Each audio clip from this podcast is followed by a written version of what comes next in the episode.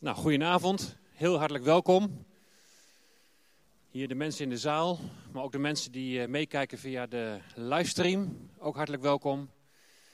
Een avond uh, georganiseerd door de Regenboog en de Fontein. Twee baptistengemeenten hier in Emmeloord. Mooi dat we hierin uh, samen kunnen optrekken. Een lezing over de eindtijd. De tijd van het einde. Is dat actueel? Is dat niet actueel? Nou, we leven toch ieder in ieder geval, denk ik wel, en ik denk dat jullie daar ook wel mee eens zijn, in een hele bijzondere tijd. Waarin heel veel dingen gebeuren. Waar we van denken, van, waar, waar leidt dat allemaal toe? Waar gaat het allemaal heen? Nou, waar het uiteindelijk toe leidt, weten we. Want wij hebben een hoop die voor ons ligt. We zien uit naar de komst van de Heer Jezus. En wat is dat geweldig als je die, dat perspectief mag hebben. Je moet je toch niet voorstellen dat je in zo'n tijd als nu leeft en dat je geen perspectief hebt. Dat je niet weet van waar je het moet zoeken. Maar wij mogen weten, eens komt alles goed. Maar tot die tijd leven we in deze wereld. En hebben we als gelovigen onze verantwoordelijkheid. Hoe leven we in deze wereld? En uh, het thema voor vanavond is, wij breken op. Dus dat betekent, we gaan ergens weg en we gaan ergens naartoe.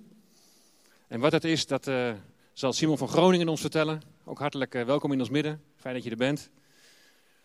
En ik uh, wil jullie voorstellen om eerst een lied samen te gaan zingen. En dan ga ik daarna de, de avond aan de Heer opdragen. We gaan zingen lied 222 uit Opwekking. En ik heb net gehoord, als de mensen in de zaal goed hard meezingen, dan kunnen de mensen het thuis ook horen. Want anders horen ze alleen maar de muziek. Dat zou jammer zijn. Dus ik wil jullie vragen om te gaan staan en uit volle borst mee te gaan zingen. Opwekking 222. Doorgrond mijn hart.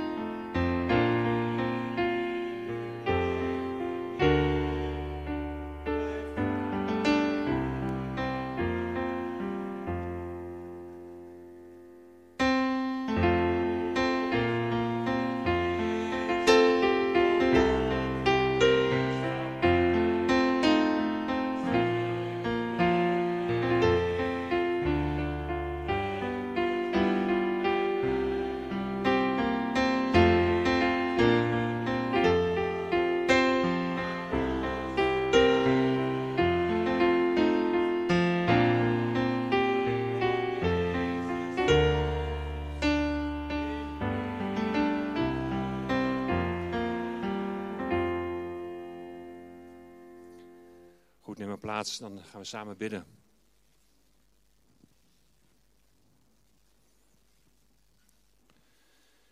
Ja, zie heren, hier zijn we voor uw aangezicht. We mogen tot u naderen door genade voor uw troon om u de eer te geven die u toekomt.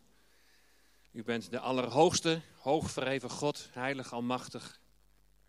En in de Heer Jezus Christus, uw Zoon, zo dichtbij gekomen en wonend door uw Heilige Geest in ons. Heren, voor uw heerschappij over onze levens. We willen ons aan u onderwerpen. We willen opzien naar u. We willen graag luisteren, heren, naar wat u tegen ons wilt zeggen. Over de tijd waarin we nu leven. Dat we de tijd mogen duiden. En wilt u Simon van Groningen ook zegenen zo bij het doorgeven van uw woord. Wilt u ons open harten geven om te luisteren. En dat het zo mag zijn dat het in onze harten mag indalen. En dat we in en door alles heen, Heer Jezus, u centraal zullen zien. Het gaat om u. U bent onze redder, u bent onze verlosser, u bent onze zaligmaker, u bent Heer. En u komt. U komt om te regeren. U komt om uw koninkrijk te vestigen. dat zal heel anders zijn dan dat het nu toe gaat in deze wereld. We danken u daarvoor dat we een hoop hebben die voor ons ligt. We zien uit naar wat u in deze tijd gaat doen. En maak ons als uw gemeente bereid, voorbereid om klaar te zijn voor die grote dag die gaat aanbreken. We prijzen en danken u uit genade in Jezus' naam. Amen. Simon, mag ik je uitnodigen?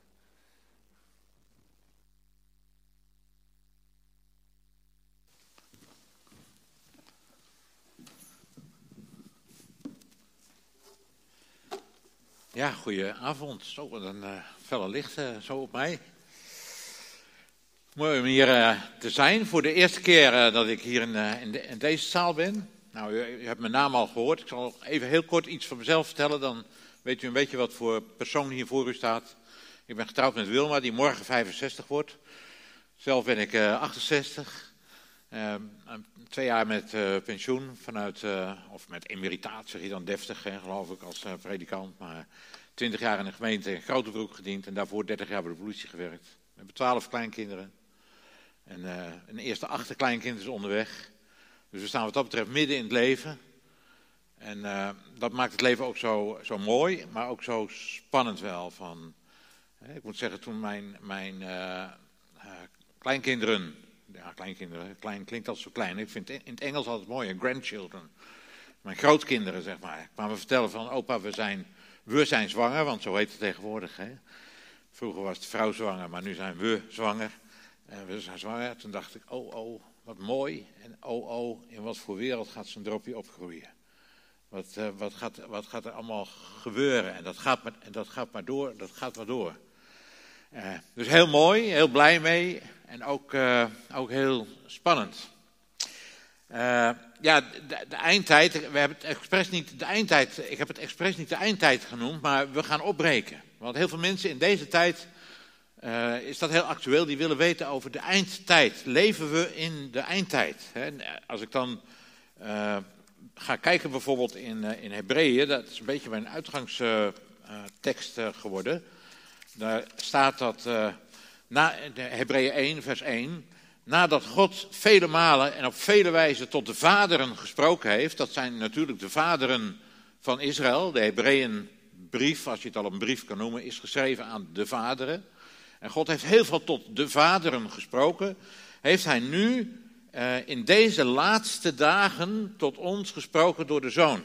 Dus ik zeg wel eens daar waar de Hebreeënbrief is begonnen, daar begint de eindtijd al. En dat was zeker voor, uh, voor Israël in die tijd zo. Want de Hebreeënbrief is waarschijnlijk geschreven vlak voor de verwoesting van Jeruzalem, die in het jaar 70 plaatsvindt. Dat kun je best wel terugvinden als je zo de Hebreeënbrief uh, doorleest. Maar die eindtijd, de laatste tijd, die is begonnen, de allerlaatste uh, tijdsperiode is begonnen toen de zoon is gekomen. Hij heeft gesproken door de zoon, die hij de erfgenaam gemaakt heeft van alles, door wie hij ook de wereld gemaakt heeft. Een hele belangrijke, daar, daar grijpt Paulus direct op terug. Daar wil ik ook graag op teruggrijpen, omdat ik geloof dat uh, het, het, zijn allemaal overgangstijden. De wereld is in perioden ingedeeld. Uh, heel veel mensen denken, ja, God heeft ooit de wereld geschapen en ooit komt daar een eind aan. En dan ja, ga je naar de hemel, dan komt terug en dan zullen de hemelen oprollen als een doek. En dan, zo heb ik dat tenminste vroeger geleerd. Ik ben heel reformatorisch uh, opgevoed en dan zou de hemel oprollen als een, uh, als een doek. En dan kwam er een grote witte troon uit. En dan stonden we allemaal voor de grote witte troon en dan zat daar God en dan had je de schapen en dan had je de bokken. En uh, dat kon, kon, ik dan weer niet helemaal plaatsen met het geloof in Jezus. Maar afijn, het zou in ieder geval voor de een heel beroerd aflopen en voor de ander heel mooi aflopen. En dan ging je voor eeuwig naar de hemel. En daar werd dan bijgezegd van, uh, ja, naar de hemel, dat is ongeveer hetzelfde als uh, altijd naar de kerk gaan. En ik moet zeggen, dat vond ik geen uh, prettig vooruitzicht. De, het, de hel was erger. maar de hemel, ja, weet je, daar ging ik dan liever naartoe. Maar altijd naar de kerk. Ik, wij gingen twee keer per zondag naar de kerk en dat duurde anderhalf uur, een uur en drie kwartier. En wat de dominee zei, daar begreep ik eigenlijk meestal niet zo heel veel van. Er werd heel langzaam gezongen. En uh, het ging veel over mijn hoofd heen en het was altijd zeer zwaar en zeer ernstig. En ik denk, nou, als je dat een eeuwigheid moet volhouden. Maar goed, ik heb, ik heb de tijd nog, want ik ben nog jong. Maar ik ben wel vanaf jong met die eeuwigheid opgegroeid, uh, bezig geweest met, met de toekomst, met wat er gaat gebeuren. Ik weet nog zo goed dat mijn opa, die is overleden toen ik uh, zes jaar was, dat die heeft, tegen mij heeft gezegd, jij gaat dat nog meemaken. Die man was echt een kind van God. Uh, hoe, hoe, zwaar het ook allemaal was, weet je wel. Maar het, echt een gekende des heren, zeiden ze dan in die tijd. En die heeft, die heeft, uh, die heeft gezegd tegen mij, jij, jij, gaat dat nog zien. Jij gaat dat meemaken, de wederkomst van de heren. Dat, is, uh, dat ik zes jaar was, dat is 62 jaar geleden. Voor de vlugge rekenaars onder jullie. En ik denk zomaar dat die man wel eens gelijk gehad kon hebben. Dat het bijna profetisch was. Want als we de, de, tijden van nu zien, en ik ga straks bij het begin beginnen, bij Genesis namelijk, waar Hebreeën ook begint. Maar als we de tijden van nu zien, dan, dan zien we dat, dat alles zich gereed maakt voor de overgang naar een nieuwe tijd. En ik heb dat nogmaals expres niet de eindtijd genoemd, omdat het een overgang is. Het is een soort opbreken. Israël die is, die is als een voorbeeld, die moest opbreken uit de slavernij, uit Egypte en ze moesten door de Rode Zee heen om onderweg te gaan. Waarheen? Nou ja, de volgende fase, de woestijn. En, en, in de woestijn hebben ze wel 70 keer opgebroken. We gaan opbreken, riepen ze dan weer. We gaan opbreken. En dan moest alles weer uh, ingepakt worden en dan moesten ze weer verder. Maar uiteindelijk kwamen ze bij dat beloofde land aan. Bij de Jordaan. En toen moesten ze weer opbreken. Toen moesten ze door de Jordaan heen. Nou ja, daar, daar gebeurt natuurlijk een heleboel in die tijd. Uh, daar komen we ook nog wel eventjes uit zo. Er gebeurt een heleboel in die tijd dat ze opbreken om door de Jordaan heen te gaan. Dat is echt een beeld. De Jordaan is sowieso een beeld van, van sterven. Van, van de, nu jaagt ook de kille doodsjordaan geen angst meer aan, zeggen we dan wel eens. Hè? Dus de Jordaan is een beeld van sterven en van opstaan. Daarom doopte Johannes ook in de Jordaan, want dat is ook een beeld van sterven en van weer opstaan. Daarom is ook Jezus gedoopt in de Jordaan als een beeld van zijn sterven en van zijn weer opstaan. En wij staan als het ware ook weer voor die Jordaan. Sommigen van ons zullen nog moeten sterven en anderen hoeven dat niet meer. Niet allen zullen wij ontslapen, zegt Paulus. Sommigen zullen de komst van de Heer meemaken en we zullen hem tegemoet gaan in de lucht. En we zullen in een punt destijds veranderd worden. Want ja, zoals we nu zijn kunnen we niet, eh, kunnen we niet terecht. Het, het vleeselijke moet geestelijk worden. Het sterfelijke moet onsterfelijkheid aandoen. Nou, hoe dat eruit ziet, komen we misschien ook nog wel eventjes op. Uh, ik, ik, merk dat ik al zo, zoveel uh, stof in voorbereiding, in inleiding heb, dat ik denk, nou, ik moet nog maar zien of ik dat ongeveer binnen een uurtje af kan krijgen. We gaan eerst kijken in Genesis, want dat doet dat doet Paulus. Ik denk dat Paulus de Hebreeënbrief geschreven heeft, maar daar ga ik nou niet, uh, niet helemaal op in. Het staat er niet in, maar je kunt er wel van uitgaan. Paulus doet dat ook. Hij zegt, uh, hij heeft ons erfgenaam van alles door wie hij ook de wereld gemaakt heeft. Door wie hij ook de wereld gemaakt heeft. En dat, dat gebeurt natuurlijk in Genesis. Tenminste, dat wordt beschreven in Genesis. Daarom is Genesis ook zo enorm belangrijk. Dat allereerste boek, de allereerste bladzij van de Bijbel, dat allereerste woord zelfs van de Bijbel. Is, eh, die, God is iemand die zegt, ik ben het die van het begin het einde verkondigt. Dat, dat, is, dat is fantastisch om te weten, want dat is ook precies wat hij doet. Want dat eerste woord van de Bijbel, uh, dat is, en dat is in den beginnen zou je zeggen, dus het woordje is in, maar in het Hebreeuws is dat een ander woord. Het eerste Bijbelboek heet in het Hebreeuws ook anders.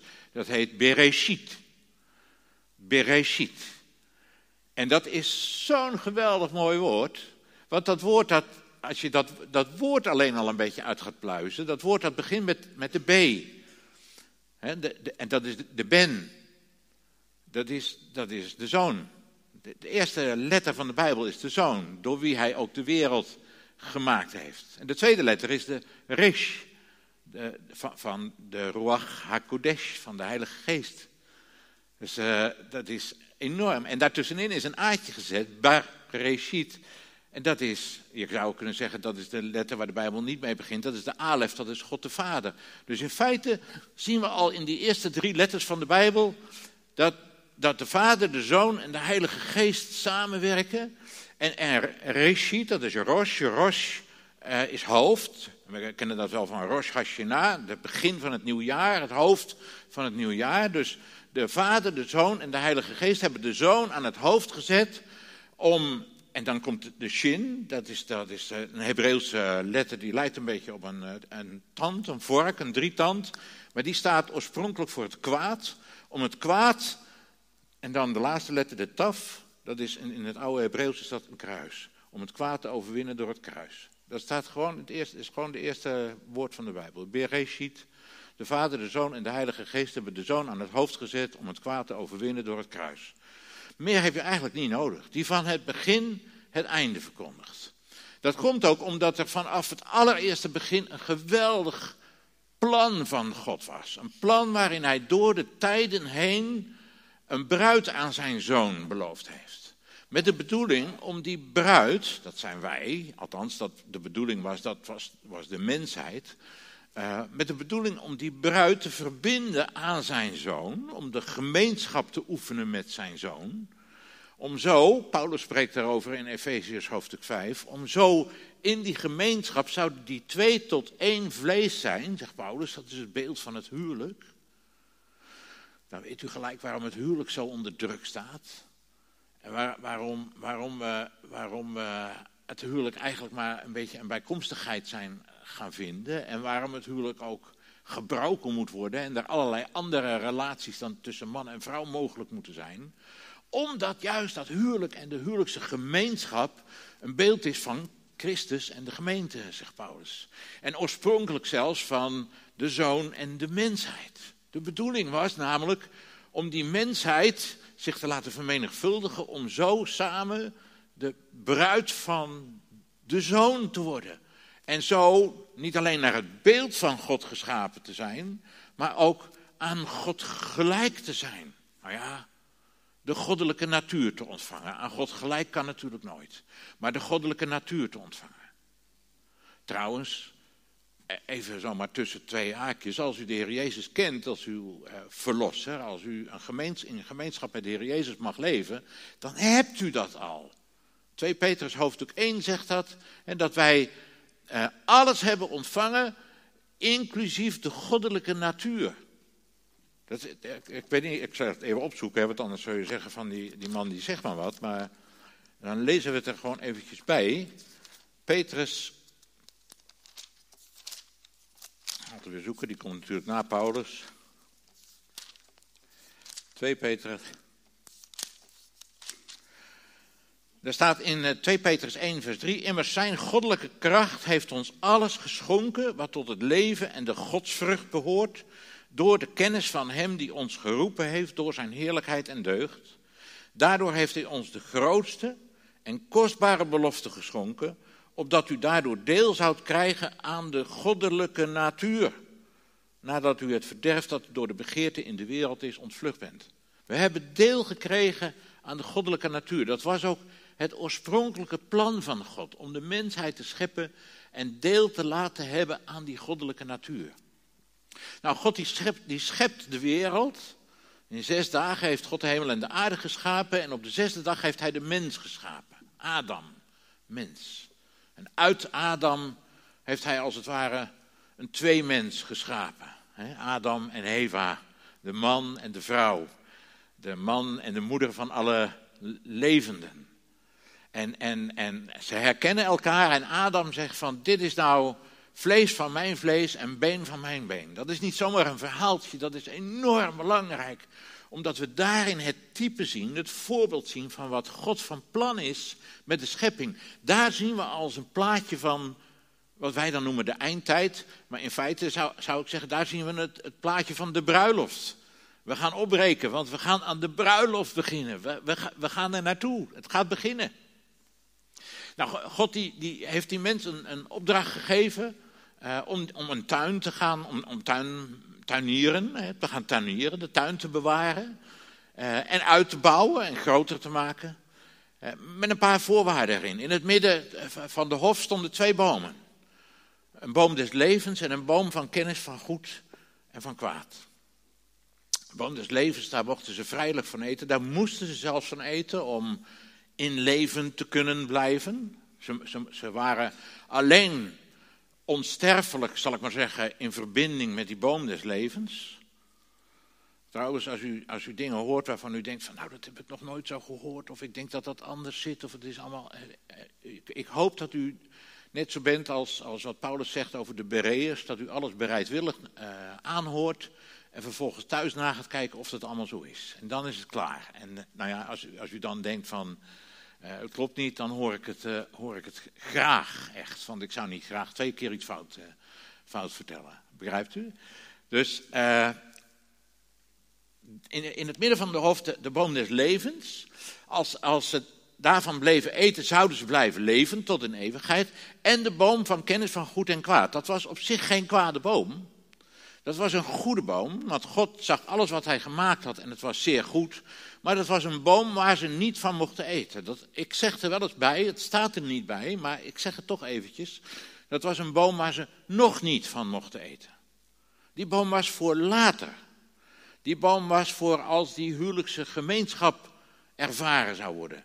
Ik zeg wel eens een beetje, nou niet ondeugend, maar dan begrijpt u gelijk wat ik bedoel. Die boom was eigenlijk de echtelijke slaapkamer. Daar zouden ze gemeenschap met God mogen gaan oefenen. Als, als de zoon gekomen was om zijn bruid op te halen, als de hof uitgebreid was, als die klaar was, dan, dan, zouden, dan zouden van die bomen gegeten mogen worden. En dan zouden mensen daardoor als God mogen zijn, kennende het goed en kwaad. En dan komt daar de slang.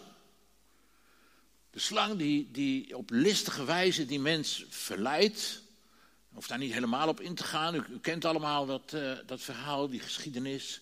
En die, die, die de mens verleidt om, als het ware, gemeenschap te hebben voor het huwelijk. En dan ook nog eens een keer met de verkeerde partner, namelijk met de slang. En hij trekt zijn hand uit en hij neemt van die boom en hun ogen worden geopend en ze zien dat ze naakt zijn. Ze, ze, ze, ze kunnen eigenlijk niet meer bestaan voor God. Ze, ze moeten zich schamen voor God. Tenminste, zo voelen ze zich dat. En terecht, want ze hebben gezondigd. Schaamte en zonde is in de wereld. En als, als, als, als God dan komt om Adam en Eva te roepen, dan bedekken ze zichzelf snel met, met vijgenbladeren. Ik zeg wel eens, er staan, stonden een heleboel bomen in de hoofd, maar van drie bomen weten we zeker dat ze er stonden. Namelijk van kennis van goed en kwaad en de boom des levens en de vijgenboom. Uh, misschien was de vijgenboom wel dezelfde als die van kennis van goed en kwaad. En was, was de boom des levens wel een olijfboom, dat weet ik niet, dat speculeren. Maar dat denk ik wel eens een beetje, dat zou zomaar kunnen. Uh, maar in ieder geval, ze bedekte zich met, met bladeren van die vijgenboom. Uh, en dachten, nou ja, misschien zo. Maar ja, God keek daar dwars doorheen natuurlijk. Die, die, die zegt van, wat hebben jullie gedaan dat je je moet schamen? Wie heeft je, wie heeft je verteld dat je naakt bent? Ja, en dan, dan, komt het hele verhaal, er, uh, hoort het en stotend uit. En dan, dan, dan spreekt God zijn vloek uit. Zijn vloek over deze aarde. Zijn vloek over de slang. Een vloek die tegelijkertijd een geweldige belofte is. Een, een belofte van een, een, nieuwe periode. God zegt als het ware: Oké, dit is gebeurd. Dit is verschrikkelijk. Maar ik laat niet varen het werk van mijn handen. We gaan door. En hij zegt: Ik zal vijandschap zetten tussen u en tussen deze vrouw. En tussen uw zaad en tussen haar zaad. En datzelfde zal u de kop vermorzelen. En gij zult het de versenen vermorzelen. dat, is, dat, is, dat is een vloek, maar dat is tegelijkertijd is, is dat een, een belofte. Want die slang zijn kop zal vermorzeld worden. Wat we tegelijkertijd ook moeten zien, dat God daar dus een oorlog begint. Ik weet niet of u zich dat wel eens hebt gerealiseerd. Wij denken altijd aan God als de God van shalom en Jezus die komt vrede brengen. Maar Jezus zegt zelf als hij op aarde is, meent niet dat ik gekomen ben om vrede te brengen op de aarde. Ik ben gekomen om het zwaar te brengen. Natuurlijk, hij brengt, ook shalom en hij brengt ook vrede, namelijk door zijn kruisdood. Maar, maar God zelf begint een oorlog. De, de Eerste Wereldoorlog is begonnen toen er nog maar twee mensen op aarde waren. En dan begint God een oorlog tussen de mensheid en, en tussen de mens, tussen Adam, tussen de Adam en tussen de slang. En, en hij, hij vertelt er al bij wie die oorlog gaat winnen. Het, hetzelfde zal u de kop vermorzelen, zegt hij tegen de slang. Je gaat eraan. Je gaat het verliezen. En die slang legt zich daar niet bij neer. Die slang die, die, die, gaat, die gaat zijn gang vanaf de schepping tot de dag van vandaag. En, en, en dan maak ik even een grote sprong. Ik ga straks weer terug hier naartoe, maar maak even een grote sprong. Dan denk ik wel eens dat mensen vandaag veel te weinig beseffen dat wij in, in, in staat van oorlog leven. Dat we in oorlogsgebied leven. Weet je, we hebben, we hebben jarenlang, en de, een meer dan de ander, maar gebeden voor de vervolgde christenen in, in Korea en in India en in, uh, in Pakistan en uh, waar dan ook ter wereld zijn gelukkig leven wij nog in een vrij land. En ik zie ons heel dikwijls staan in een kringetje in een kerk. En dan, voordat de dienst begint, dan bidden we met elkaar. We danken u dat we hier weer in alle vrijheid bij elkaar mogen komen. En dat is natuurlijk ook zo. En dat is nog steeds wel ongeveer zo, alhoewel. Alhoewel. Het wordt wel steeds meer aan regeltjes verbonden. we moeten wel anderhalve meter afstand houden. We moeten geen handjes meer schudden. We mogen elkaar niet meer hukken. Niet meer met een heilige kus begroeten. We mochten een hele tijd niet samen zingen. Nou ja, het mocht dan wel, maar als we het deden, dan kregen we de pers over ons heen. Uh, het, het, was echt wel, ik, ik vind het echt wel oorlog. Is dat te veel gezegd? Ik ervaar het wel zo. We leven midden in een staat van oorlog, waarin de slang zich begint te roeren, meer en meer. En de, en de Bijbel zegt van, zijn streken zijn ons niet onbekend, zijn daden zijn ons niet onbekend. En ik zie zomaar, ik ben zomaar zo bang dat, dat bij zoveel broeders en zusters, zoveel kerkmensen ook, zijn, zijn daden wel degelijk onbekend zijn. Dat hij dat die dezelfde listen toepast. Paulus zegt het ook, ik vrees voor jullie, ik vrees voor jullie dat diezelfde list die de slang bij Eva toepaste, dat hij die nu weer bij jullie toepast. En dat we zomaar meelopen in dat verhaal van die slang. Ik kom daar zo nog wel op terug. God spreekt een vloek uit over de slang. En de slang die gaat door met zijn werk en God gaat ook door met zijn werk. Adam en Eva krijgen zonen en dochteren. En er worden er eerst twee beschreven. Dat zijn Kain en Abel. We kennen dat verhaal natuurlijk ook. Daar zien we dat eigenlijk de Tweede Wereldoorlog begint. Want in feite was dat ook weer een wereldoorlog natuurlijk. De hele wereld was, de, de toenmalige mensheid was, er, was erbij betrokken. En Kain die, die vermoordt Abel, die slaat hem dood. En dat gaat dan weer over die, die geestelijke strijd. Dat is dus niet alleen maar een stukje jaloersheid, maar dat is geestelijke strijd. Hij ziet dat, dat het offer van Abel wordt aangenomen en dat zijn offer niet wordt aangenomen. Wat brengt Abel voor een offer? Die brengt het eerstgeboren van zijn kudde. Die had van zijn ouders geleerd, van Adam en Eva geleerd, dat toen ze zich met vijgenbladeren probeerden te bedekken, dat dat onvoldoende was. En dat God zelf het eerste bloed liet vloeien. Dat is ook nog zoiets. God, heeft, God heeft de eerste dieren geslacht op deze aarde. Hij heeft twee dieren, er staat niet bij lammetjes of bokjes, maar ik denk wel dat het zoiets geweest zal zijn, hè, want het is namelijk altijd een lam of een bok in de Bijbel. Die heeft hij geslacht en die heeft die Adam en Eva als bedekking aangetrokken. Omdat we later ook lezen in de Hebreeënbrief, zonder bloedstorting is er geen vergeving. Leven voor leven. Er moet, Er moest bloed vloeien om vergeving te kunnen symboliseren. Uiteindelijk was dat al een symbool van het bloed van onze verlosser, van de heiland, van de Heer Jezus Christus, wat zou gaan vloeien. En Kain die brengt de vruchten van de opbrengst van het land. Is dat zo mis? Nee. Het is religie. Het is niet wat God zegt. Het is net even anders. En God zag Abel en zijn offer aan en Kain en zijn offer zag hij niet aan. En God gaat dan in gesprek met Kain. En die, die, die vraagt waarom hij zo boos is. En dat hij zijn aangezicht mag opheffen en dat hij het bij God mag brengen. Maar Kain moet niets van God weten. Kain staat symbool voor de mensheid die afstand neemt van God. Hij zegt, ik heb het allemaal wel gezien. En het kan allemaal wel waar wezen, al die mooie verhalen. Ik denk trouwens dat het misschien ook wel niet eens echt waar zal zijn. Maar ik ga er vandoor. Dat, dat, staat, dat staat er ook zo, zo heel letterlijk na die zondeval. Dan staat er dat. Uh, daar staat vers 4, vers 14. Genesis 4, vers 14. Zie, u verdrijft mij heden van het aangezicht van de aardbodem. En ik zal voor uw aangezicht verborgen zijn. En dolend en dwalend over de aarde gaan. Ah, lieve mensen, is dat niet een teken gewoon van, is dat niet gewoon een beschrijving van de mensheid van vandaag? Dolend en dwalend over de aarde. Op zoek van de ene vakantie naar de andere vakantie. En vooral genieten. En natuurlijk, vakantie is niet verkeerd en genieten is niet verkeerd. Maar als je mensen vraagt wat nou de, de zin van het leven is en waar het over gaat in dit leven, waarom we eigenlijk bestaan, wat eigenlijk de zin, de, de diepere betekenis van ons bestaan is. Ja, tegenwoordig weet men dat eigenlijk niet meer. Ik denk in de middeleeuwen en daarvoor nog, nog meer. Dan zeiden we om God te dienen en onze naasten te dienen. Maar ja, toen, toen kwamen er allerlei nieuwe tijdperken. Toen kwam het tijdperk van de verlichting.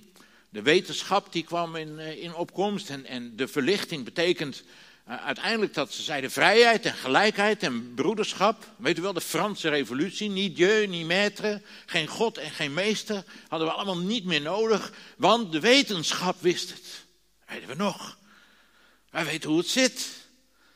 Wij maken alles wat we willen, we doen alles wat we willen, we regelen alles zoals we willen. De wetenschap, we hebben er eigenlijk geen God meer bij nodig. En wat is het hoogste belang van, waar leven mensen dan voor? Ja, goed, zoveel mogelijk economisch belang. Zoveel mogelijk wetenschappelijke vooruitgang. Een zo, zo productief mogelijk leven, daar gaat het om. Een zo, zo mooi mogelijk uh, omgeving en een zo comfortabel mogelijk leven. Daar is, daar is wel een stroming tegen ingekomen, maar die eigenlijk precies dezelfde dingen deed. Ik wil het niet te ingewikkeld maken, maar dat, dat is een stroming van, dat noemen ze dan de romantiek. Die zei, ja, dat is het toch eigenlijk ook allemaal niet, alleen maar wetenschap. De romantiek die zegt, het, het gaat ook om de mens zelf. We zijn uniek. We zijn volkomen uniek. Dat lijkt bijna christelijk als je het zo hoort. Maar ze bedoelden daarmee nog net iets anders dan christelijk. We zijn zo uniek dat we onvergelijkbaar zijn. Dat, dat elk mens zo uniek is dat, die, dat we niet eens meer kunnen spreken over de mens. En dat, dat heeft zich uiteindelijk geuit in een, een, mensbeeld, een mensvisie die we vandaag aan de dag overal zien opvloeien. Dus aan, aan de ene kant de wetenschap en aan de andere kant die, de verlichting en aan de andere kant die, die romantiek die zegt van ja, maar je, je kunt niet meer spreken over de man of over de vrouw of over uh, het echtpaar. Want dat bestaat niet. De man bestaat niet. Er zijn verschillende soorten mannen. En er zijn mannen die zijn vrouwelijk en vrouwen die zijn mannelijk. En, en, en je identiteit ligt ergens anders in. Je kan ook uh, LHGTBQ uh, enzovoort zijn. Uh, je bent zo volkomen uniek. Je bent onvergelijkbaar. Weet u wat er gebeurt als je onvergelijkbaar uniek bent? Dan ben je onvergelijkbaar eenzaam. Want niemand, niemand kent jou meer. Heer, u doorgrond en ken mij, hebben we net gezongen. Maar als je dat niet meer gelooft en niemand kent jou meer, niemand weet meer wie jij bent en wat er in het diepste van jouw binnenste leeft, dan ben je eenzaam. En dan word je depressief. En je bent alleen. Ik sta er alleen voor. Nou ja, ik, en, en dan krijg je een beetje die combinatie van wetenschap en, en, en uniek zijn. En dan, dan maken we er maar het beste van, maar zonder God. Maar als dan de wereld stilvalt, als dan, als dan uh, lockdowns komen, en, en de vakanties niet meer door kunnen gaan. En de sportwedstrijden uh, alleen maar met wat geluid op de achtergrond worden uitgezonden. En je, en je, je sportwedstrijden niet meer kunt volgen. Dan denk je, waar leefde ik eigenlijk ook alweer voor? We moeten er vanaf. Hoe komen we hier vanaf? Wetenschap, help ons. Nou ja, dat doet de wetenschap dan. Althans, dat denkt men. En dan maken we een, eh, eh, een, een vaccin wat ons helpt om er dan vanaf te komen. En de wetenschap moet ons helpen en dan kunnen we weer verder met ons leven. Nou ja, nog niet helemaal, maar straks misschien wel. En ik vrees, zegt Paulus, dat wellicht de slang jullie net zo verleidt als dat hij ooit Eva in het paradijs heeft verleid. Om te vertrouwen op wetenschap, om te vertrouwen op jezelf, om te vertrouwen op je uniciteit en niet te vertrouwen op de God van de hemel en aarde, die de hemel en de aarde geschapen heeft, die trouw houdt tot een eeuwigheid en die nooit laat varen het werk van zijn handen. Kain die gaat er vandoor. Hij gaat, er staat in vers 16, hij gaat weg van het aangezicht van de Heer. Dat is zoveel betekenend? Die, die hoge priestelijke zegen, die wordt uitgesproken altijd. De, de Heer doet zijn aangezicht over u lichten. En wat, wat, wat doet Kain? Die gaat weg van het aangezicht van de Heer. Weg. Niet meer bij de Heer. En wat gaat hij dan doen? Hij, hij had gemeenschap met zijn vrouw, ze werd zwanger en hij baarde Henoch. En Kain was een stad aan het bouwen en hij noemde van, de naam van die stad naar de naam van zijn zoon Henoch. Die stad heette dus Henoch, maar dat is op dezelfde plek, dat, dat, kun, je, dat kun je beredeneren. Ga ik nu niet helemaal doen, maar dat is op dezelfde plek waar later de stad Babel gebouwd zal worden. Dat zijn de fundamenten van Babel worden daar gelegd. En in feite gaat het in de Bijbel gaat het maar om, om twee steden. Het gaat om Babel en het gaat om Jeruzalem. En hier bouwt de mens, Kain bouwt zijn eerste stad, de stad Henoch, eh, in het land, eh, in het land Not. Dwaaland betekent dat. De stad Not, Babel, in dwaaland. En zo gaat de mens de periode door, de periode in. En het breidt uit en er gebeurt van alles. En Genesis spreekt daarover. Maar uiteindelijk, aan het einde van die, van die eerste periode. Want ik denk dat de Bijbel spreekt in perioden. En dat er verschillende perioden zijn. Daarom heb ik het ook over. We gaan opbreken. Niet over het einde der tijden. Hoogstens over het einde van een periode. Maar aan het einde van die periode bleek dat alles totaal mis was gegaan. Of mis, nou ja, in ieder geval dat de slang behoorlijk zijn invloed had gehad. Dat, dat de slang, dat de duivel zijn, zijn, engelen als medestanders had gekregen om ook, ook invloed te hebben onder de mensen. Dat, dat de zonen God zagen dat de kinderen van de mensen mooi waren. En dat ze zich menselijke gestalte aannamen en kinderen verwekten. Waaruit de reuzen voortkwamen, de mannen van de voortijd. Er werd eigenlijk geknoeid, zal ik maar zeggen. Uh, er werd op fysieke wijze of op geestelijke of spirituele wijze. werd er geknoeid met het menselijke DNA. Oh, de mens werd ineens geen mens meer. Er was een, een soort uh, artificiële intelligentie binnengebracht. Iets van buitenaf, waardoor de mens beter en anders en groter werd dan God. En God ziet dat, dat, dat, dat wat de mensen doen ten alle tijden slechts kwaad is, boos is. Dat die mensheid totaal verdorven is. En, en hij zoekt er een paar mensen uit, acht mensen, Noach en zijn zielen. En die zoekt hij uit en die brengt hij in de ark. En de rest van de wereld komt om in die zondvloed. En hij stelt de leeftijd van de mens op 120 jaar. Sommige mensen denken, zeggen, en van mij mag dat hoor, dat, dat Noach 120 jaar over die ark heeft gedaan. Ik denk het niet.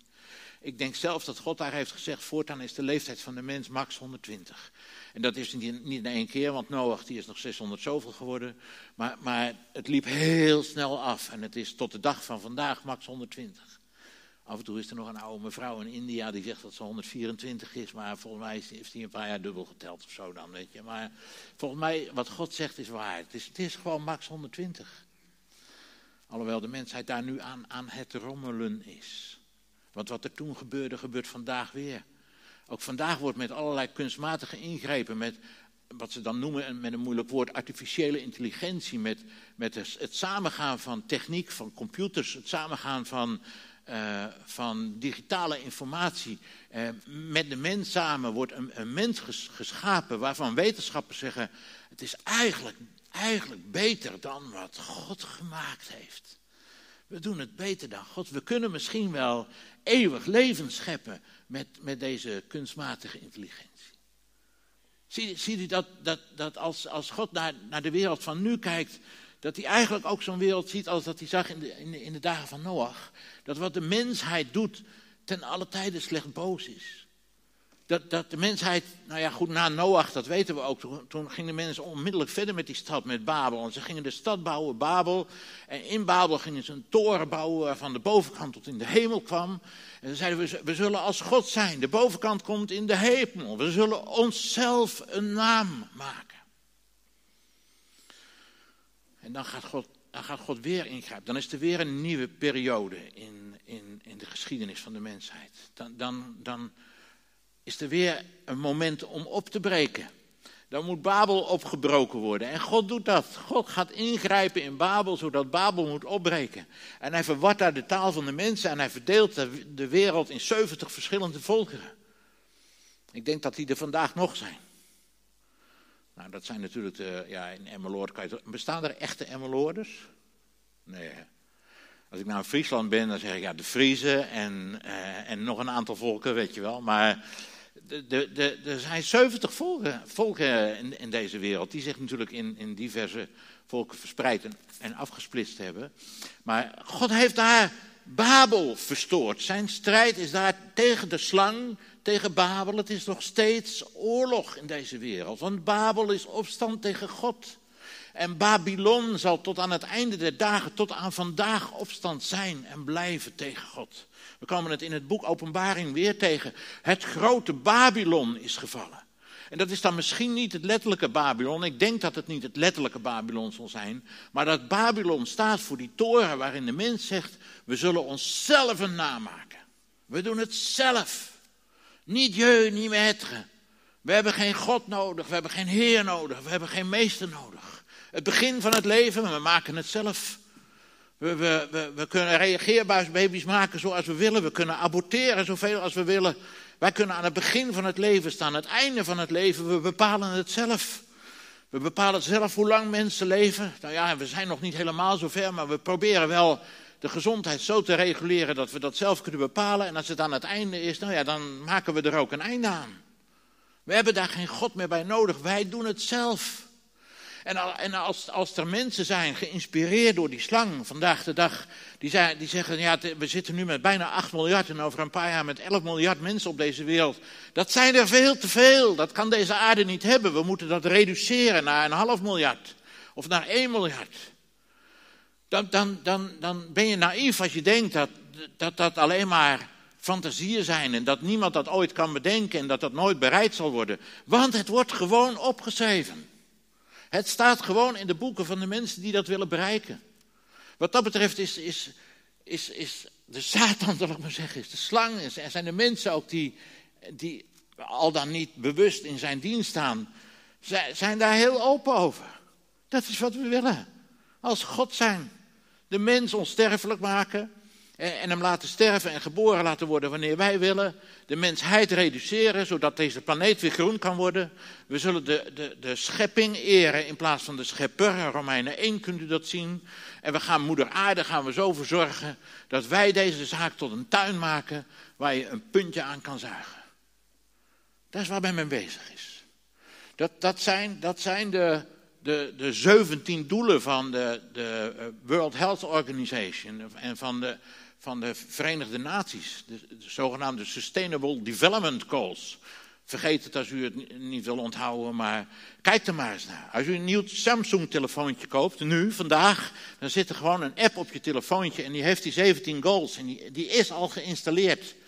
En daar, daar, worden ze allemaal genoemd en dan, dan kun, je, kun je er gewoon aan doneren. En wat zit daar bijvoorbeeld bij in? Nou ja, de LHGBTQ-gemeenschap, maar ook natuurlijk de bestrijding van armoede. En er zitten ook doelen tussen waarvan je zegt, die lijken zo bijbels als wat. Maar ze zijn het uiteindelijk ten diepste niet, omdat het uit de mens opkomt. Omdat we het zelf willen gaan maken. Omdat we zeggen, we hebben daar geen God bij nodig. God, God geeft zijn oordeel over Babel en hij verspreidt de volken uit Babel vandaan. En dan, dan, natuurlijk heeft God alles van tevoren bedacht. Weet je, God is de, God is de eeuwige God en hij, Hij verkondigt vanaf het begin het einde. En als we in de eerste woord van de Bijbel, Bereshit, al lezen dat hij het kwade gaat overwinnen aan het kruis door de zoon, dan overkomt een Babel ook niet als verrassing.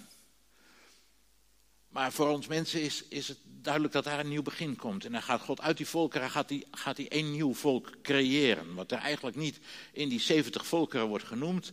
En, en dat doet hij door Abraham te roepen uit Babel vandaan, uit zijn land, uit zijn maagschap, zegt de oude vertaling dan.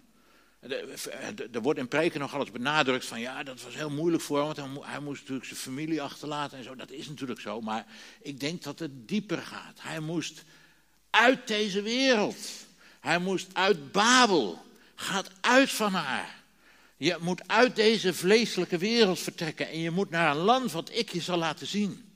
En hij gaat onderweg. Abraham, Isaac, Jacob, Israël.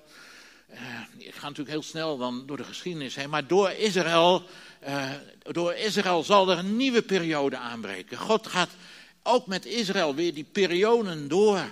Steeds een nieuwe periode van we gaan opbreken. Israël, Jacob gaat opbreken om naar Egypte te gaan. En in Egypte gaan ze na een paar honderd jaar opbreken om door de Rode Zee heen, door, door, de Schelfzee heen, naar de woestijn te gaan. En in de woestijn gaan ze opbreken om door de Jordaan heen het beloofde land binnen te gaan. Als Mozes is gestorven daar op de berg Nebo, als die door God zelf begraven is, dan gaat, gaat God verder eh, met Jozua. Overigens Jozua, weet je, wij vertalen dat met Jozua, net als Jezaja ook weer zo'n andere naam is, maar in het Hebreeuws is het allemaal Jezus. Yeshua. Jozua is gewoon Yeshua. En zo mooi als je dan in Jozua hoofdstuk 4 leest, het eerste vers, dan staat er, en Yeshua stond op de derde dag op. Ging die eens kijken buiten. Vind je dat niet mooi? Dat staat gewoon in, uh, ik, dacht hoofdstuk 4 was, even voor de zekerheid. Want ik zie gelijk iemand in zijn Bijbel uh, graaien en dan denk ik, ja, dan moet ik het wel even zeker weten. Nee, niet Hosea 6. Jozea 2, vers 3. Ja, daar zal het ook staan hoor. Dat kan ook. Sorry hoor, kan ook. Maar ik bedoel Jozua hoofdstuk 3, vers 1. Daar staat, toen stond Jozua s morgens vroeg op. Stel dat je dat nou eens gewoon had vertaald. Toen stond Yeshua des morgens vroeg op. Oh. En dan gaat hij daar naar buiten en dan ontmoet hij daar de vorst van het Heer des Heren. En daar spreekt hij mee. Daar spreekt hij mee over de ingang in het beloofde land. Als Jezus is opgestaan en hij ontmoet de vorst van het Heer des Heren. Als Jozua is opgestaan en hij ontmoet de vorst van het Heer des Heren. Als hij door de, door de Jordaan heen is. Als hij gestorven is en weer opgestaan is. En hij is de vorst van het Heer des Heren. Dan leidt hij zijn volk naar dat beloofde land. Ja, dat gaat gebeuren. Moet er wel gestreden worden. Maar, maar er is wel een belofte. Elke, elke stap waar je je voet zal zetten, daar daar, daar zal ik je dat land geven, daar, daar mag je zijn. Nou ja, dat, dat land wordt ingenomen en, uh, en dan, dan zijn er een paar honderd jaar richteren in dat land. En dan zijn er een paar honderd jaar koningen in dat land. En uiteindelijk gaan ze naar Babel en van Babel weer terug. Het blijft allemaal opbreken. Totdat inderdaad Jezus geboren wordt. Precies op de juiste tijd zoals Daniel dat had voorzegd. Na 70 jaarweken. 7 keer 70, 490 jaar nadat de profetie aan Daniel was gedaan dat er op het midden van de jaarweek een gezalfde zal worden uitgeroeid, wordt Jezus aan het kruis geslagen. Dat is niet, dat is niet bij toeval, dat, is niet, dat overkomt God niet. Dat is zijn plan. God heeft een plan met deze wereld. Het loopt hem nooit, nooit uit de handen. Dan wordt de ogen van Israël worden verblind, tijdelijk verblind, opdat het heil ook tot de heidenen, tot Emmeloord en tot ons en tot ons allemaal zal komen. En dan gaat de periode gaat door en dan gaat de periode door. En dan wordt het langzamerhand wordt het weer eens tijd om op te breken.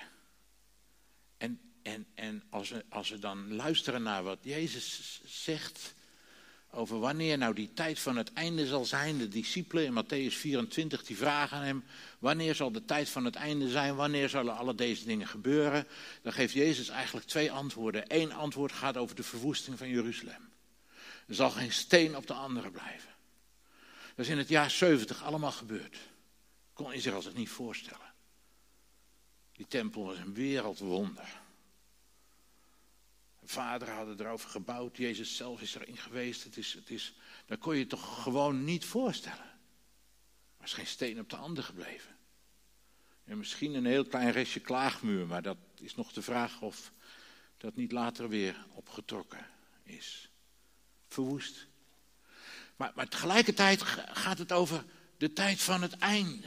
Van het allerlaatste einde. Dan, dan zal de komst van de zoon van de mens zijn. En dat is het einde van deze periode waarin wij leven. En hoe kunnen we nou weten, zegt, zegt, zegt Jezus, dat we aan het einde van die periode leven. Ik heb daar gisteren in, in een uitzending van Christenen voor Israël iets over gezegd. Misschien hebben sommigen dat gezien. Maar hij zegt, leer dan van de vijgenboom deze les. Als je ziet dat zijn bladeren uitlopen, dan, dan weet je dat de tijd nabij is. Weet je, die vijgenboom, daar wil ik dan toch nog iets over vertellen. Dat, kent, kent u dat rare verhaal van Jezus die die, die, dan, die is dan in die tempel geweest. Dat is vlak voor zijn dood. Dat is op de tiende Nisan of Aviv. Dat is dus twee de, eh, verschillende namen voor dezelfde maand. Als het lam gods de tempel komt om de tempel te reinigen.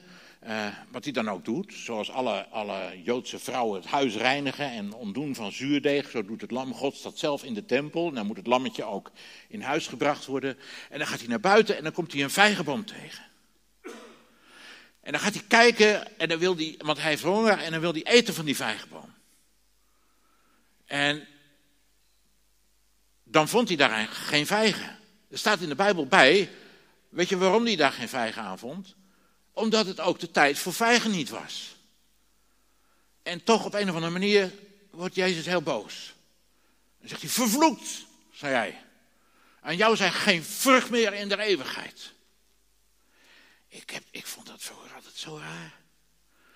Ik denk dat is toch hetzelfde alsof je in april naar de biesbos gaat en intussen de bloesem loopt en denkt ik wil een appel plukken, maar die zit er niet aan en dat je dan boos wordt op die appelboom. Wat kan die appelboom er nou aan doen? Het is april. Kom terug in september. Maar is natuurlijk niet raar. Vooral als we weten waar die vijgenboom voor staat. Heel veel mensen willen die vijgenboom vergelijken met Israël, maar nergens in de Bijbel wordt de vijgenboom vergeleken met Israël.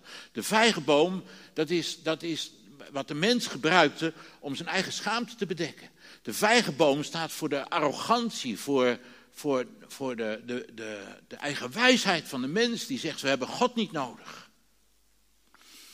En Jezus zegt dan, leer dan van de vijgenboom deze les. Overigens even dat verhaal afmaken, aan u zijn geen vrucht meer in de eeuwigheid. Want het gaat namelijk nooit door de, door de werken van de mens. Hij gaat zelf een, een dag later zijn eigen leven geven. Net als dat in, in, in de Hof van Eden gebeurde. Zonder bloedstorting geschiet er geen vergeving. En dat gebeurt daar, waar hij zijn eigen leven geeft aan het kruis. En, en zegt, vader, vergeef het ze. Ze weten niet wat ze doen. Weet je, daar vindt gewoon het scheppingsverhaal opnieuw plaats met de, met de laatste Adam. Want zo wordt hij genoemd, de zoon des mensen, Ben Adam. Dat is hij. Leer dan van de vijgenboom deze les, zegt Jezus. Als je ziet dat zijn takken zacht worden en zijn bladeren uit beginnen te lopen, weet dan dat de tijd nabij is. Weet je, nou zou je kunnen zeggen, dat zien we al een tijdje. En dat is waar. Toen de, toen de eerste mens op de maan kwam, wanneer was dat ook weer? Nee, Tenminste, als hij er geweest is, want dat wordt ook weer het wemel van de complottheorieën natuurlijk. Dus de aarde is plat en de mens is nooit op de maan geweest. En weet ik wat voor verhalen allemaal. Maar goed, ik ga er nog even vanuit dat de mens op de maan geweest is. Ik heb voor, toen zelf als jochie voor de tv zitten kijken. Kleine stap voor de, mensheid, voor de mens en een grote stap voor de mensheid. Maar mijn, mijn, opa, mijn opa geloofde het niet. Hij zei, nee, dat kan niet. een mens op de maan. Weet je, mijn, mijn, opa, mijn opa kwam uit Sommelsdijk, op Goeree Overflakke. En die had nog meegemaakt dat de eerste auto door het dorp kwam. De eerste auto reed door het dorp. Moest een politieagent voorop lopen met een rode vlag. En mocht niet harder dan voetstaps mocht hij door het dorp, want dat was levensgevaarlijk. Weet je, maar toen, toen de mensen op de maan kwamen en de auto's, uh, nou ja, meer dan nu in ieder geval uh, reden, of minder dan nu, maar in ieder geval al heel veel reden, toen, eh, toen we eh, konden telefoneren eh, en de stem aan de andere kant van de wereld heel makkelijk hoorden, toen, toen dachten we, nou ja, ik, ik dacht als jochie, wat moet er nou eigenlijk nog meer uitgevonden worden? Ja, wist ik veel van een, van een computer, van een pc. En ik weet nog van het eerste PC-privéproject dat we hadden bij de politie. En ik had zo'n Tulip-PC. Met twee van die floppy disks erin. Een harde schijf je niet nodig, zeiden ze. Want ja, dat was voor, voor professionals. En op zo'n floppy, daar konden al drie boekenkasten. Dus meer had je echt nooit nodig.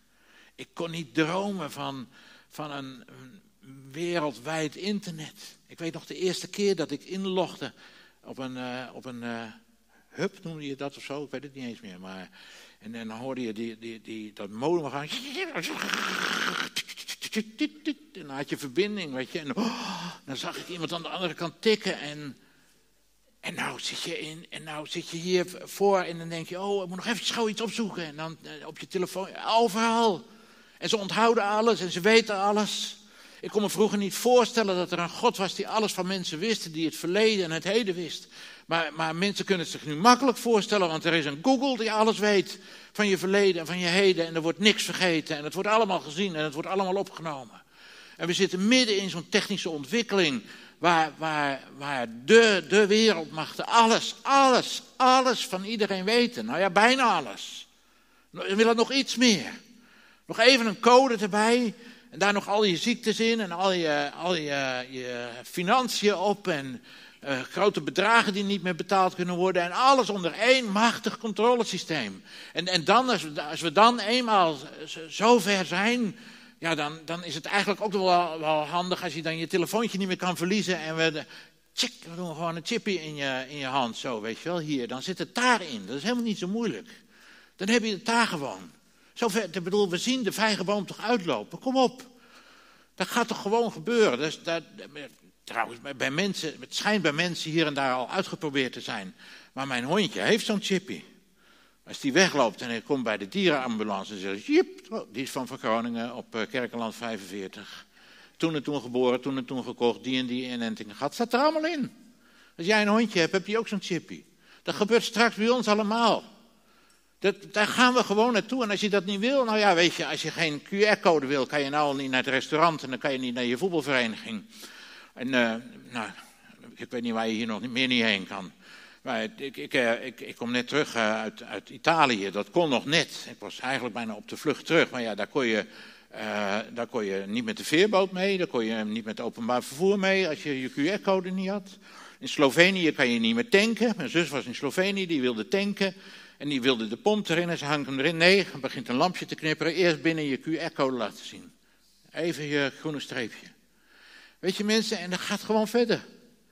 Uh, misschien stoppen we het nog hoor. Misschien zijn er nog uh, actiegroepen en dan kunnen we ze tegenhouden. En dan gaat deze W-zak nog af, hè, want ik zie het als weeën.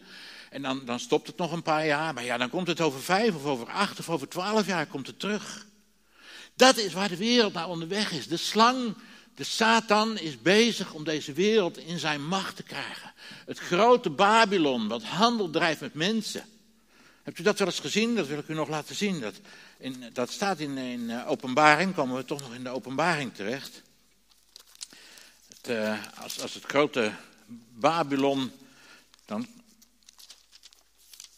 gevallen is, dan staat er in... Uh, de uh, openbaring 18, vers 11. De kooplieden van de aarde zullen over haar huilen en treuren, omdat niemand hun waren meer koopt. Koopwaar van goud, zilver, edelgesteente, parels, fijn linnen, enzovoort, enzovoort. Wijnolie, tarwe, lastdieren, schapen, waarden en pagens en lichamen en zielen van mensen.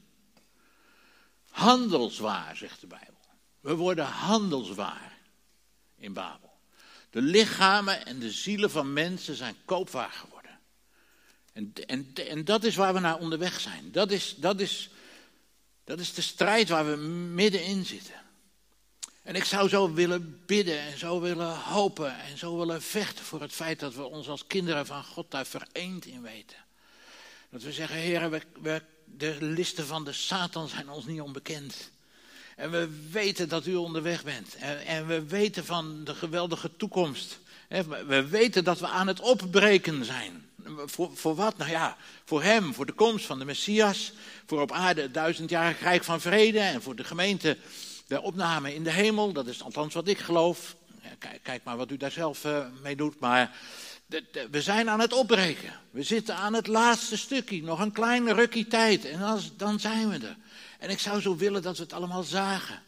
Dat we, dat we onze handen ophieven naar God en zeiden van, wees ons genadig, wees met ons, help ons, geef uw kinderen kracht, geef ze moed om op te staan, om door te gaan, om één te blijven in de kerk en, en in de gemeentes en in deze wereld.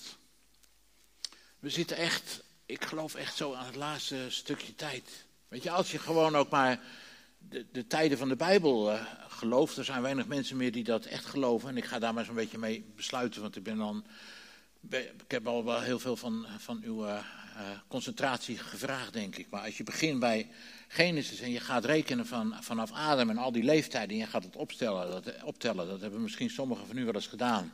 Nou ja, dat is een beetje lastig. Je kan er hier en daar een jaartje naast zitten, er wordt een jaartje overgeslagen, een jaartje bijgeteld. Maar als je, waar je in ieder geval op uitkomt, weet je hoe lang Noach uh, uh, hoe lang de aarde bestond, tenminste na, sinds de schepping van Adam, toen Noach stierf, was 2000 jaar.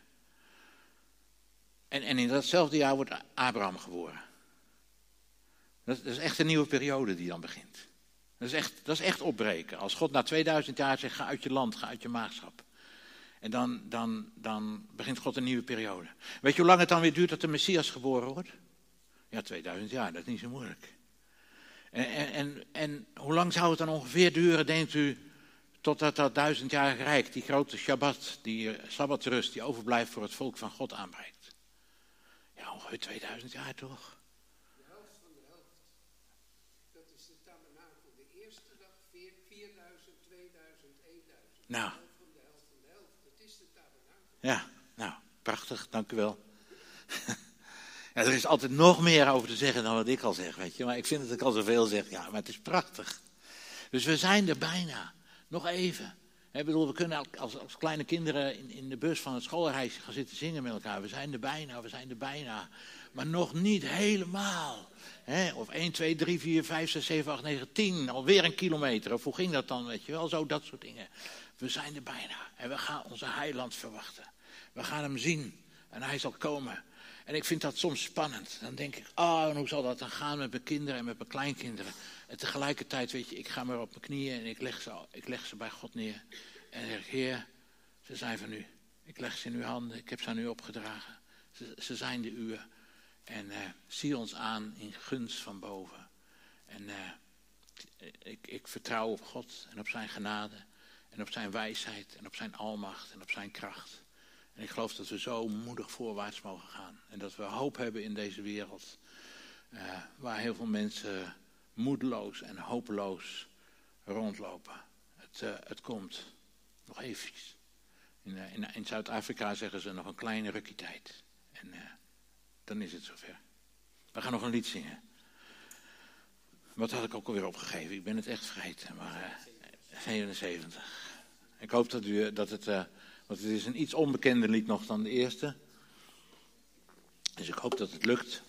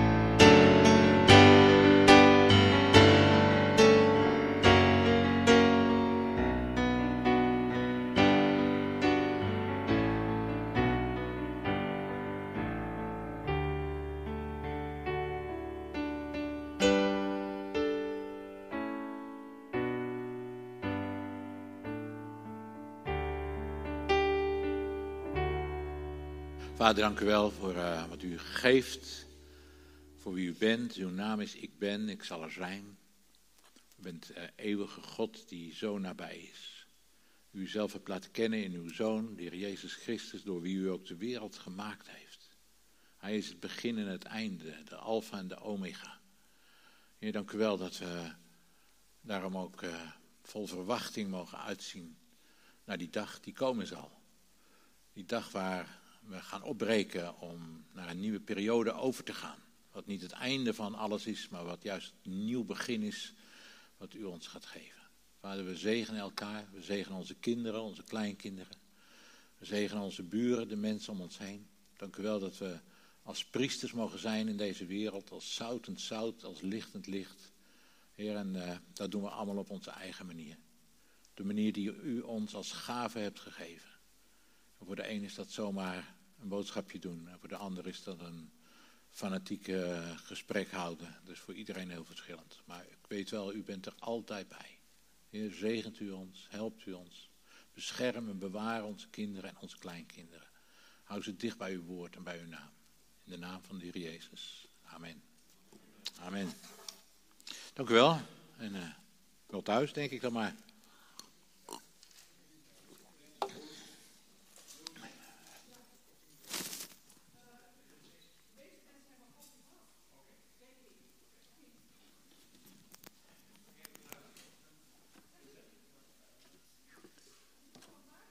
We zijn uh, aan het einde gekomen van deze dienst. En het is misschien wel fijn om toch elkaar nog even te ontmoeten. Hè.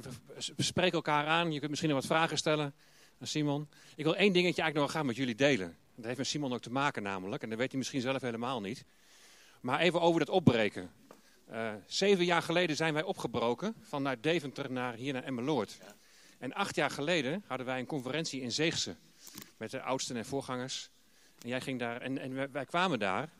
En uh, we, hadden een roeping ontvangen vanuit Emmeloord, tenminste gevraagd. Maar wij wisten, wisten, nog niet zeker of we moesten gaan. We zeiden, God moet dat bevestigen. En toen uh, liepen we daar het restaurant binnen, of het hotel binnen. En toen kwam Orlando naar ons toe en die zei van, gefeliciteerd met Emmeloord. En ik zei van, ja, maar we weten nog niet of dat ook de bedoeling is.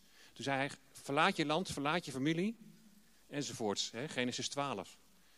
Maar jij had op een gegeven moment een verhaal samen met je vrouw over jullie huwelijk. Ja. En toen zei je vrouw, het was soms zo moeilijk om uh, uh, te verhuizen. Dus, maar toen haalden ze die, exact diezelfde tekst aan. Verlaat je land, verlaat je familie. En toen dachten wij van, zou dat nou, dat is nou de tweede keer, zou dat onze tekst zijn hè, van, voor, voor, voor een duidelijke roeping. Aan het einde van die conferentie, toen vierden we het avondmaal. En toen zei je van, als herhaling, want wij zeiden tegen elkaar als het een derde keer komt. Hè, dus toen zei je het als een herhaling. Van, uh, nou ja, we hebben het gehad over verlaat je land, verlaat je familie. En we keken elkaar zo aan en toen reden we naar huis en toen, ja, best wel een hele stap. Dus mijn vrouw die zei van, ja, die laatste keer was eigenlijk een beetje half gebakken, want dat was een herhaling. en, ik, ik, hoop niet dat ik het vanavond weer drie keer gezegd heb. Nee, nee, nee. Ja. maar toen, lag, toen gingen wij s'avonds naar bed en we hebben echt gebeden van, uh, of de Heer wou bevestigen of dat dan onze roepingstekst was. En ik ging om half drie naar beneden toe. Ik drukte de televisie aan, was Family 7 op. En er stond met grote letters in beeld, Genesis 12. En was dominee Glashouwer een bijbelstudio aan het geven. Dus jullie hebben het een beetje aan deze man ook een beetje te danken dat we hier zijn.